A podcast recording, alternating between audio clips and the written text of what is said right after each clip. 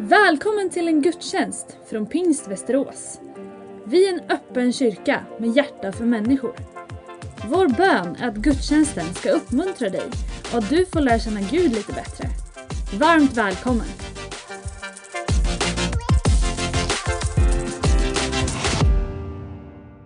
Jag ska berätta för dig några grundtankar om den kristna tron och det bibliska budskapet. Jag heter Daniel Alm och eh, första maj så har jag förestått den här församlingen i 17 år.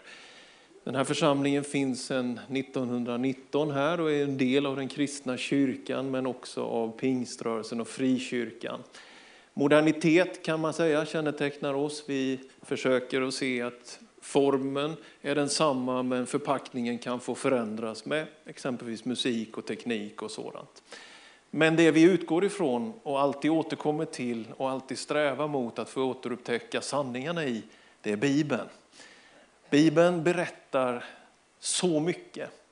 Den har kärlek och den har krig, den har poesi och den har brev, den har historia och den har framtidsvision. Men fyra grundsanningar som finns i Bibeln som kan säga någonting, kanske till dig idag, som funderar över detta. Vad är kristen tro? Och jag skulle vilja att du har ordet välsignelse med dig under de här minuterna som jag berättar detta för dig. Ordet välsignelse är ett robust ord, ett eh, välanvänt ord i kyrkan och även idag kommer gudstjänsten avslutas med att den uttalas över dig. Den finns i Gamla Testamentet. Det var prästen Aron som fick uppdrag att få dela det vi kallar för välsignelsen. Så den heter den aronitiska eller prästerliga välsignelsen. För jag tänker att det där ordet välsignelse, att det finns någon som vill dig väl, på ett sätt sammanfattar hela den kristna tron. Att Gud har skapat oss för att han vill har med oss att göra, för att han älskar oss och för att han vill välsigna oss. Och Det är den första av fyra sanningar som jag vill säga till dig och som är en grund i den kristna tron tillsammans med våra judiska vänner. Så klart det gamla testamentet, i begynnelsen skapade Gud himmel och jord. Att Gud av egen vilja, som existerar i evighet, sätter klockan igång och i begynnelsen låter någonting bli till av universum men också människa. Himmelens fåglar, markens djur, fiskarna i havet och själva kronan som det ändå står, människan. Så vi är skapade av Gud för att han ville det. Inte för att ställa till det och leta fel, utan för att välsigna oss. Den ursprungliga tanken om man backar liksom mina föräldrars föräldrars föräldrar, orsak och verkan och vad är liksom, varför existerar människan? Så är den kristna berättelsen den att vi finns till för att Gud ville att vi skulle finnas till. Skapelsen är grundad i hans eget beslut för att få ha relation med dig och mig. För han vill välsigna oss. Ja, men I den där lustgården, mitt i trädgården, stod ett träd. Kunskapen, livets träd med kunskap om gott och ont. Och dess frukt var den enda frukten som människan inte fick äta. Och människan är skapad av honom med den där möjligheten att fatta egna beslut. Och de första människorna gör det vi tror att vi alla faktiskt skulle ha gjort. Vi på något sätt kan identifiera oss med Adam och Eva. Att det där vi inte fick göra, det gjorde vi. Syndafallet är ett faktum. Människan tar den där frukten som är mitt i trädgården och egentligen så finns det ju så mycket symbolik över det där. Och det som jag vill lyfta fram här idag det är ju egentligen det som är grunden i vad vi kallar syndafallet som är min andra liksom sanning att tyvärr få meddela till er då. Det är att i mitten av trädgården står detta träd och det skulle vi inte röra. Det är när människan sätter sig själv i centrum. Synden är egentligen inte en massa dåliga handlingar, det kan det också vara. Men i grund och botten handlar synden om att människan tar Guds plats. Människan vill vara i centrum i trädgården. och människan äter upp det hon inte ska äta upp. Det är det som sker med Adam och Eva. Så Gud vill väl, han vill välsigna, men människan kan inte använda sin frihet till annat än att faktiskt det leder oss till att också begå fel. Det där är början på mycket strul, många knepigheter, korruption och krig, elände och splittring. Syndafallet är allomfattande och det griper omkring sig och det förstör människan. En känd svensk författare, Per Lagerkvist, han skriver så här. Vem är du som uppfyller mitt hjärta med din frånvaro? En slags längtan efter något större än sig själv, men också en tomhet. Ett eko inom sig där människan söker att kompensera. Genom att göra bra saker kanske, genom att studera mycket, genom att tjäna grova pengar eller genom att självmedicinera med droger kanske, eller med någonting annat som vi missbrukar.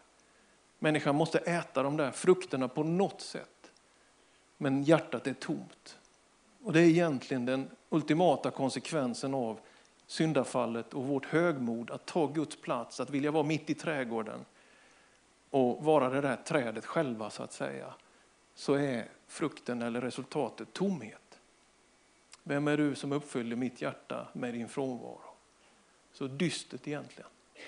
Israels folk är exempel på detta. De kämpar och sliter men de liksom når inte upp och livet känns som ett så kallat Sisyfos-arbete. Ni vet Sisyfos som puttar en sten upp för en, en, en sluttning för att sen den bara ramlar ner och så hela tiden försöka igen. Det tar liksom aldrig slut. Människans gör det själv-tanke är oerhört slitsam.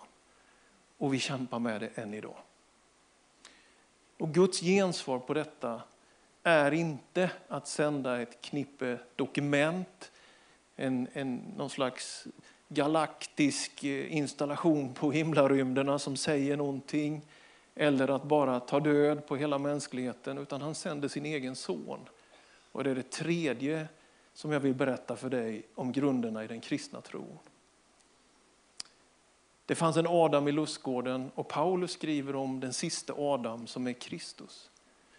En människa, Gud som personifierar sig och identifierar sig med vad det innebär att vara människa. Som ger sitt liv på korset och vi har nyss kommit ihåg det i påskhelgen. Talet om korset är en dårskap för de som går förlorade men för oss som räddas är det en Guds kraft, skriver Paulus. Det finns någonting av en skiljelinje som reses där vid påsken. När det är Gud själv som tar hand om vad? Jo, synden. Det som var vårt högmod, det som var att ställa oss på Guds plats kan man säga. Som leder till så mycket splittring, som leder till att vi skadar oss själva, vi skadar varandra och våra synder slår åt alla håll och vi kan ju läsa det i nyheterna varje dag. Effekten av det. Men så kommer Jesus Kristus. Därför finns det ett kors i varje kyrka. Därför finns det sånger om honom.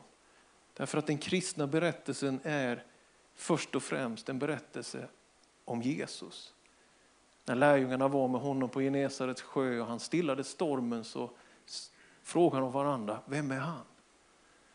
Och det är det sköna med kyrkan och gemenskapen att här handlar det inte i första hand om jag, mig, mitt och hur jag fixar det här. Utan om vem han är. Vad han har gjort för dig och vad han har gjort för mig. Vem är han?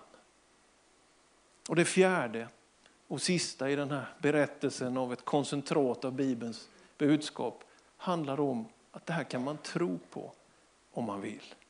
Åt de som tog emot honom gav han rätten att bli Guds barn. Det är återigen som skapelsen och den fria viljan, så är det också med tron. Att den ges till oss och erbjuds oss.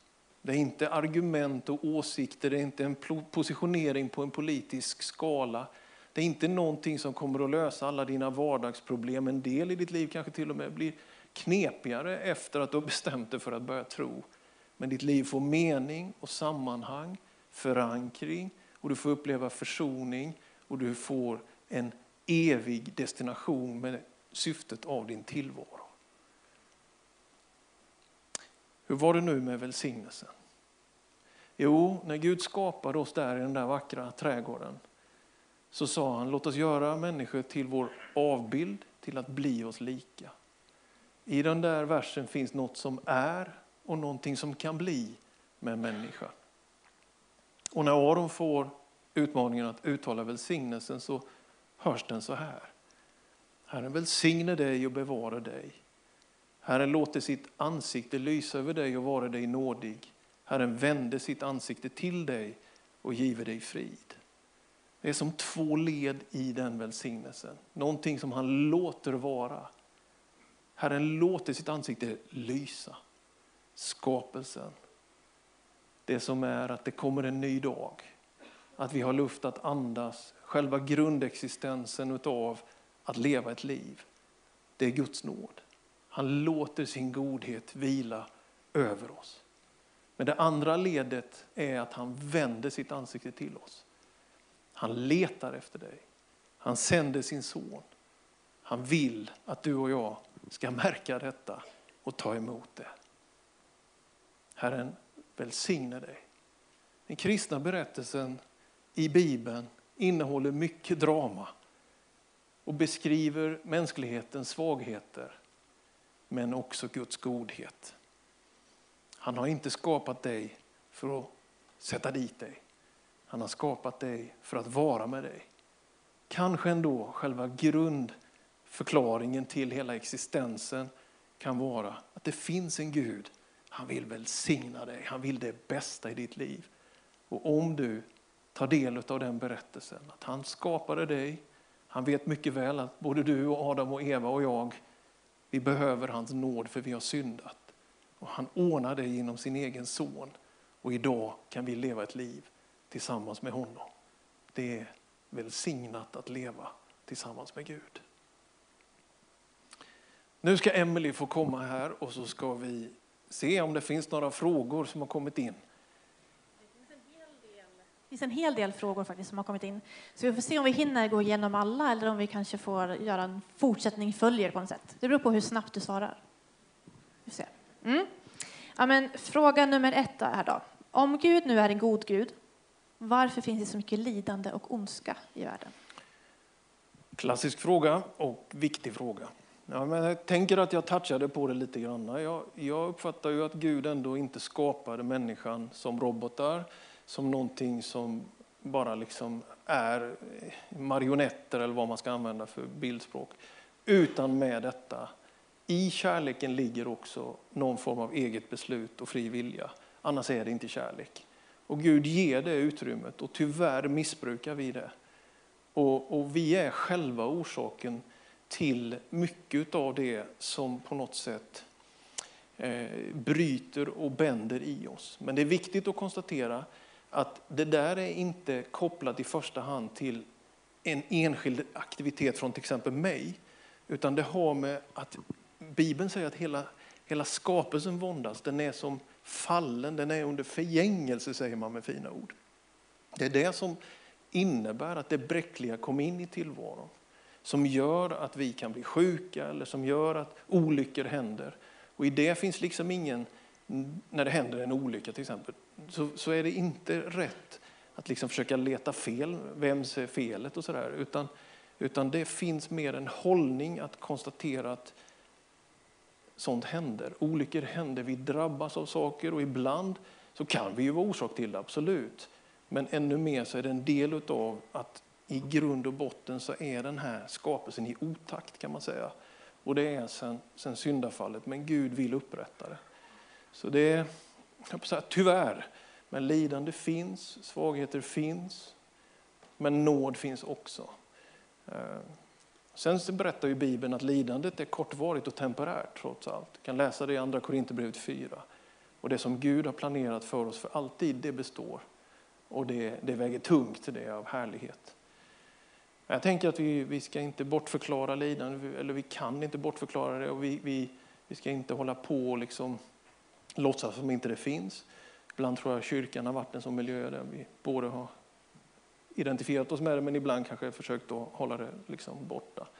Vägen framåt är ju snarare att konstatera att det är nog en del i berättelsen om våra liv. Det finns lidande också. Nästa fråga här då. Hur går vår tro ihop med historiska bevis som forskare har hittat? Som att Big Bang skedde och att vi kommer från apor. Ja, du touchade, sista där bisatsen var ju om Big Bang och, och historien där. Ja, alltså om man ändå får säga Bibeln som dokument har kommit till, 40-50 personer har medverkat under en tidshorisont av kanske 1500 år. Och det blev som man säger kanonisk skrift genom ett antal kyrkomöten som där man säger att ja, det här är helig skrift, detta är Bibeln.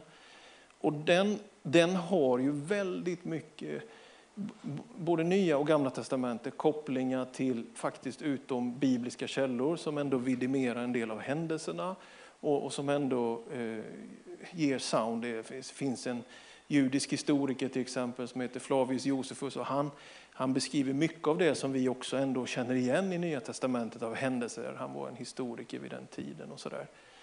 Om man backar bandet till skapelsen så, så är ju grundbulten den viktigaste, alltså att Gud har skapat. Det är ju vad vi står för. Vi har ju aldrig som lokal församling, inte heller vår rörelse, vi har aldrig, liksom, vi har aldrig känt behov av att säga att det har skett exakt på eh, 6-24 timmars eh, dygn så som vi känner dem idag. Utan man kan tillhöra den här församlingen och vara en så kallad ungjordskreationist, alltså att man faktiskt tror att det gick till så snabbt. Att Gud, Gud, Gud allsmäktig, han gör väl något snabbt om han vill. Eh, men desto fler kanske tror med alla de här exemplen i skapelsen att det är en slags gammaljordskreationism, att, att den, den, är äldre och den har funnits längre. Och sen har vi den här skapelseberättelsen som, som är, ja, Bibeln säger att Herren är ett år som tu, en dag som tusen år och så vidare. Så, tusen år som en dag. Så att kalendern är inte det allra viktigaste utan just att Gud är skaparen. Jag personligen har inte så svårt att tro att han skulle ha kunnat använt liksom en Big Bang om man så önskade. Det kallas ju ibland för teistisk evolution. Alltså att man tror på någon form av evolution, mikro i alla fall. Och att det är Gud som är orsaken till den och ligger bakom. Det här är inte min hemmaarena av kunskap men jag, jag kan ju ändå se de här fälten. Och eh, jag, jag personligen har, har ju då kanske eh, allra mest kanske hamnat i det som man kallar gammaljordskreationism. Men återigen, det är inget som... Jag gillar det här judiska talesättet. Ägna dig inte allt för mycket åt begynnelsen eller åt änden, för du vet ingenting om det. Man behöver vara lite ödmjuk inför det. Så att, eh, det har skett, Gud har skapat och det är en vacker skapelse. Men vi, vi har också behov av att vara ödmjuka. Bibeln gör inte anspråk på att vara en naturvetenskaplig bok. Den är tillförlitlig, den är historisk, men den beskriver breda penseldrag om att Gud skapar. Ja. Men nu sa du att man skulle vara ödmjuk för slutet också. För här är nästa fråga, det är, kommer Jesus tillbaka och när? Det är nu det blir spännande. Nu får vi höra det, det är nu, det är nu vi får veta. Nu. Fram med kalendern. Ja, han säger ju själv, det är inte er sak att avgöra tider och stunder. Och det verkar inte som att Jesus själv ens eh, ska bestämma det, utan Fadern står det i Apostlagärningarna 1 och eh, 7, tror jag det är. Och Bibelns stora liksom, framtidsutsaga däremot är den, Jesus kommer tillbaka och Jesus kommer snart. Så det är ju en förkunnelse som den kristna kyrkan alltid har med sig. Det finns ett ord eh, som heter Maranata, det avslutar andra Korinthierbrevet och det betyder du vår Herre kom. Så, så det är soundet av liksom framtidsberättelsen, han kommer tillbaka, Uppenbarelseboken. Men man måste akta sig väldigt noga för det här med tider och stunder. Den kristna kyrkan och människor så har väl genom historien har man sett olika tidstecken eller svårigheter som händer. Nu händer det, nu händer det. Och det är som sagt var inte vår sak att avgöra, utan man får också där vara ödmjuk då.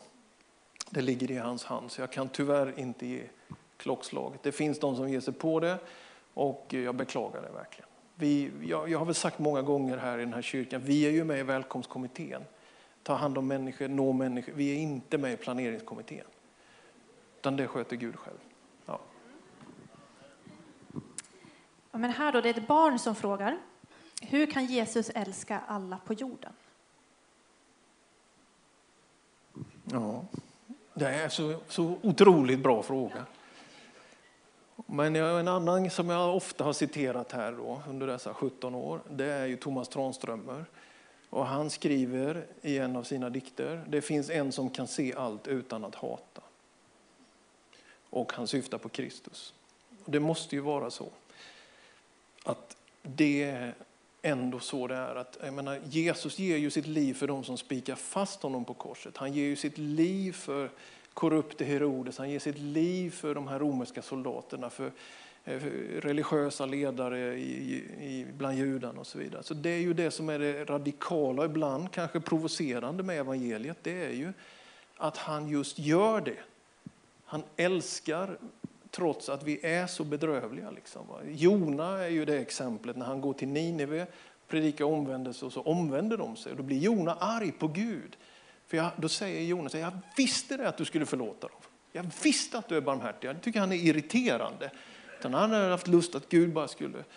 Och det är ibland för den här religiösa, liksom, oh, fina, kyrkliga ådran som kommer över oss ibland. En, bland en provocerande tanke att Gud älskar att förlåta. Han älskar att ge nya chanser. Så att, ja, det är så Jesus kan älska alla. Och det har vi nog handen på hjärtat, ibland lite svårt att ta in på riktigt. Han älskar jobbiga grannar, kollegor som aldrig diskar muggen eller bär ut komposten. Sådana saker. Mm. Han älskar dem. Kan du ta till dig detta? Jag vill bara påpeka att jag tar ut komposten, så det är inte, mig som, det är inte jag som är problemet här. Men i alla fall, Jesus älskar, Jesus vet och älskar den personen. Ehm, nästa fråga här då. Också ett barn som frågar. Varför behövde Jesus dö på korset? Jo, det är för att det finns en, en, man kan se korset som en brygga mellan himmel och jord. Och himmelen kan man säga, och nu, nu generaliserar jag lite grann, men himmelen är helig, den är helt ren, den är, den är fullkomlig. Och jorden är smutsig, den är svag, den är bräcklig, den, den kan inte liksom sköta sig. Och då blir Kristus den här eh, bryggan. Och med lite teologiska språk så säger man Subjektiv försoningslära, då betonar man att vi får våra synder förlåtna. Vi blir upprättade. Objektiv försoningslära betonar mer att Guds krav så att säga, på helighet eh, tillgodoses genom Jesu död på korset. Medan man kan kalla det traditionell försoningslära, lite grann försöker betona både och där. Att det finns någonting som Jesus gör, så när Gud ser på dig och mig nu, så gör han det genom Jesu eh, blod på korset, genom hans försoning. Och då är vi heliga, då är vi rena och då är vi välkomna.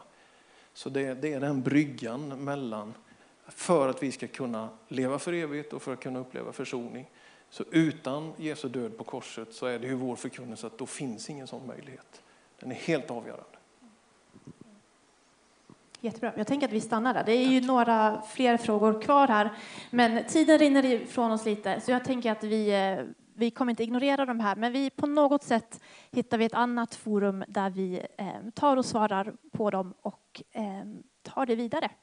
Eh, stort tack till Daniel för de svaren och nu ska vi ta och eh, nu får vi lyssna till en sång.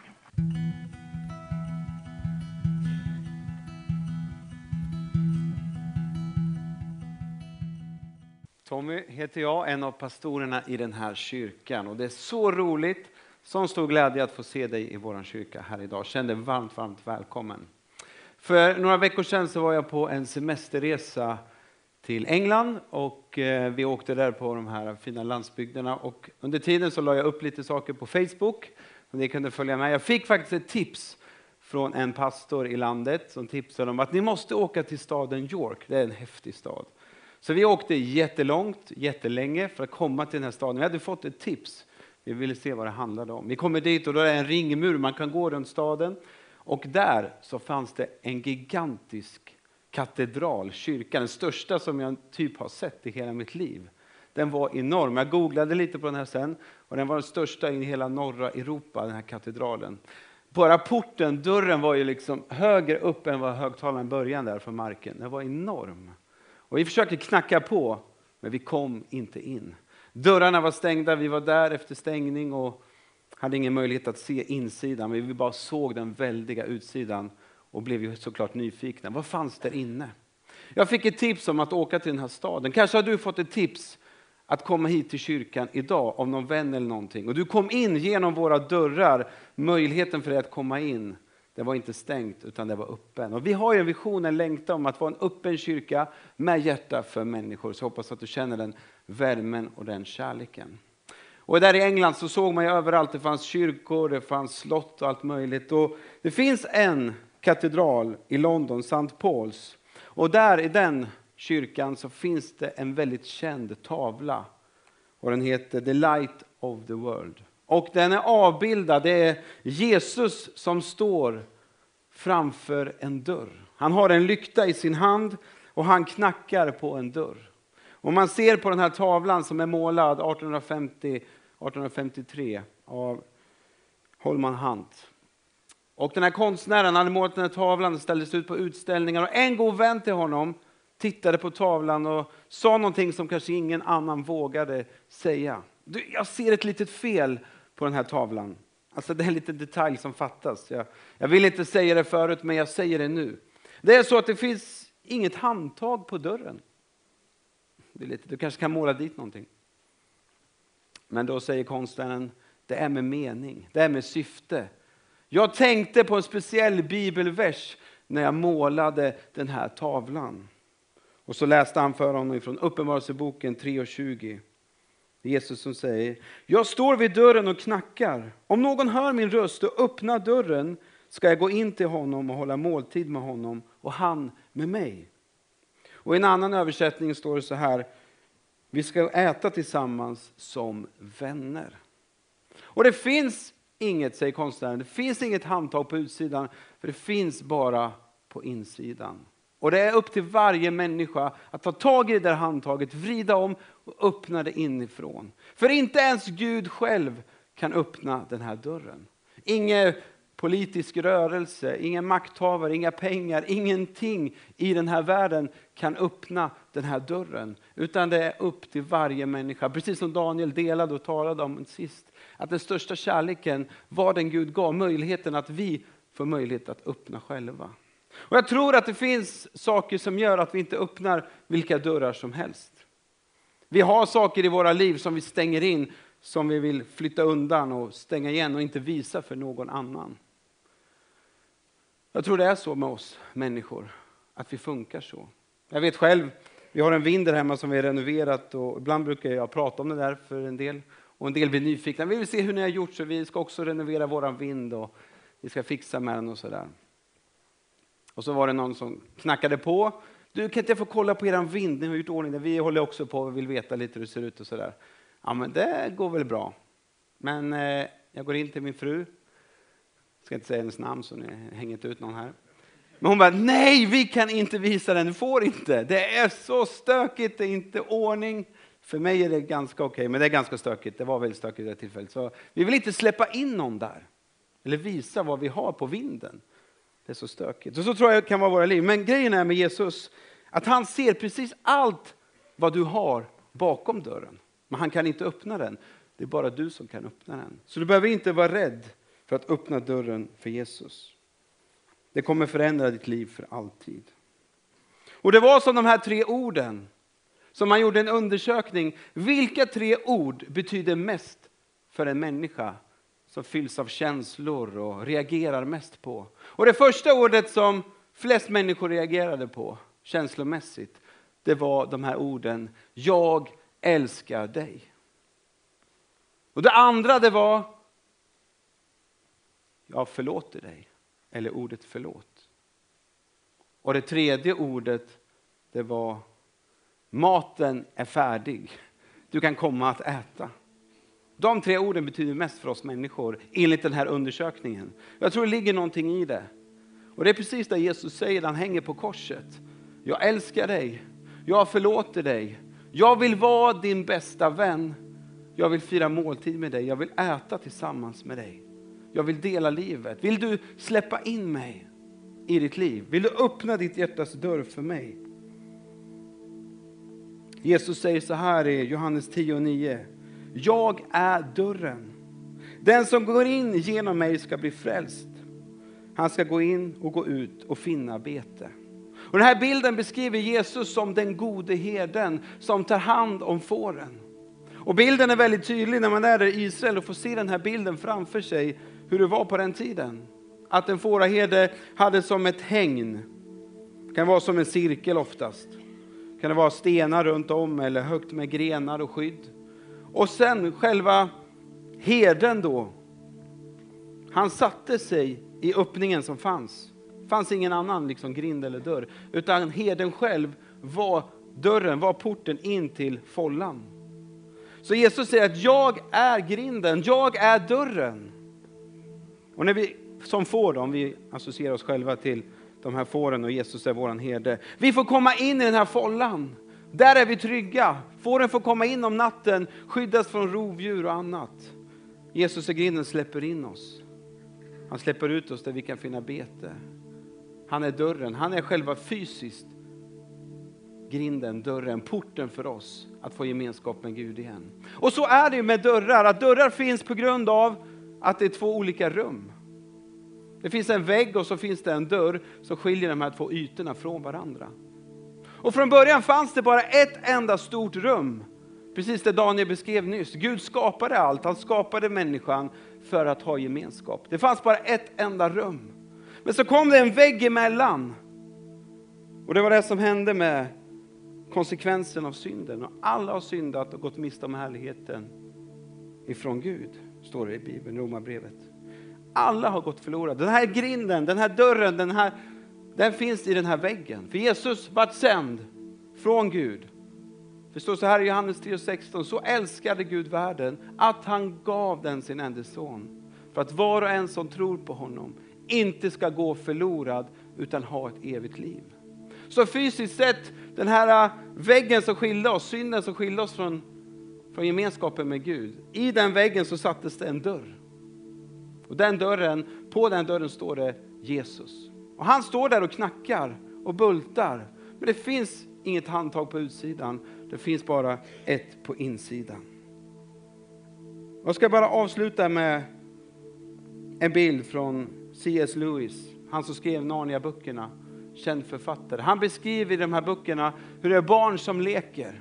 Lucy, den yngsta av barnen, springer och gömmer sig i en garderob och hon springer längst in och ska gömma sig för de andra barnen. De leker någon slags kurragömmalek eller någonting. Hon kommer in där och helt plötsligt så finns det någonting annat på andra sidan. En helt ny värld öppnar sig. Landet Narnia. Hon berättar för sina syskon, de tror henne inte först. Men sen får hon själv erfara, uppleva upplevelsen av att komma till detta vidundliga och stora land, Narnia. Som var längst in i en garderob, det var omöjligt, det verkar konstigt. Men där fanns det. Och du kanske är här och hört talas om den kristna tron, att det finns en Gud, att det finns någon som heter Jesus, som älskar just dig. Men du har ännu inte tagit steget, öppnat upp för att se den här nya världen som det innebär att leva ett kristet liv. Där han får forma dig, där han får älska dig, där han får dela gemenskap med ditt liv. Du behöver inte dölja saker i ditt liv längre. Det som du kanske inte har berättat för någon, det som du brottas med. De här stängda dörrarna. Jesus han ser den, han ser dig, han älskar dig. Du kan få öppna ditt hjärta för honom. Och vi kommer här om någon vecka starta en grundkurs i kristen tro. Ett gyllene tillfälle för dig som vill veta lite mer. Och så här står det i Jakobsbrevet 4.8. Närma er Gud så ska han närma sig er. Och nu ska vi få närma oss Gud. Och det brukar vi göra i den här kyrkan varje söndag. Att vi får be tillsammans, vi får söka honom. Så lovsångsteamet här ska få komma upp och vi ska sjunga en sång. Vi har förebedjare här på min vänstersida och er högersida. Där kan ni komma fram och ni kan dela att jag vill öppna mitt hjärta för Jesus. Om du säger det så vill de be en bön för dig. Om du säger att du är sjuk i din kropp, att du har ont någonstans, så vill de be för dig. Eller du kan bara sitta i din bänk och bara sjunka in.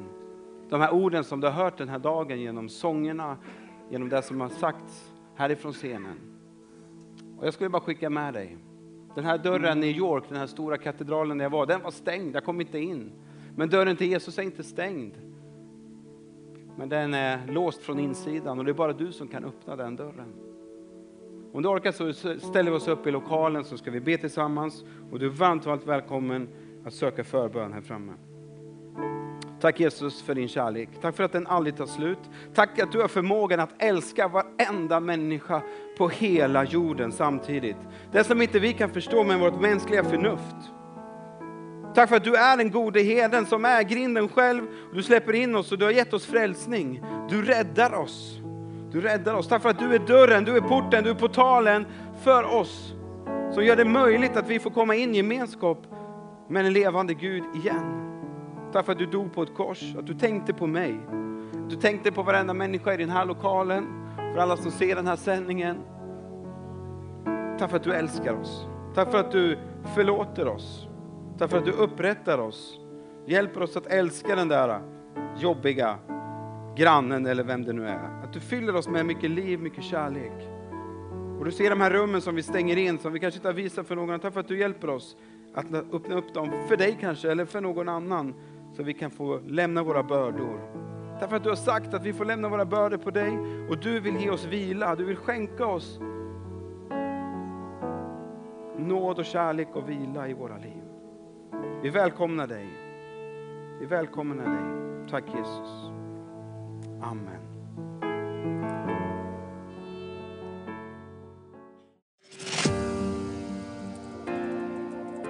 Du har lyssnat på en gudstjänst från Pingst Västerås. Har du frågor om församlingen eller vill veta mer om kristen tro kan du gå in på vår hemsida vasteras.pingst.se Varje söndag firar vi gudstjänst tillsammans klockan 10.30. Välkommen att vara med via webben.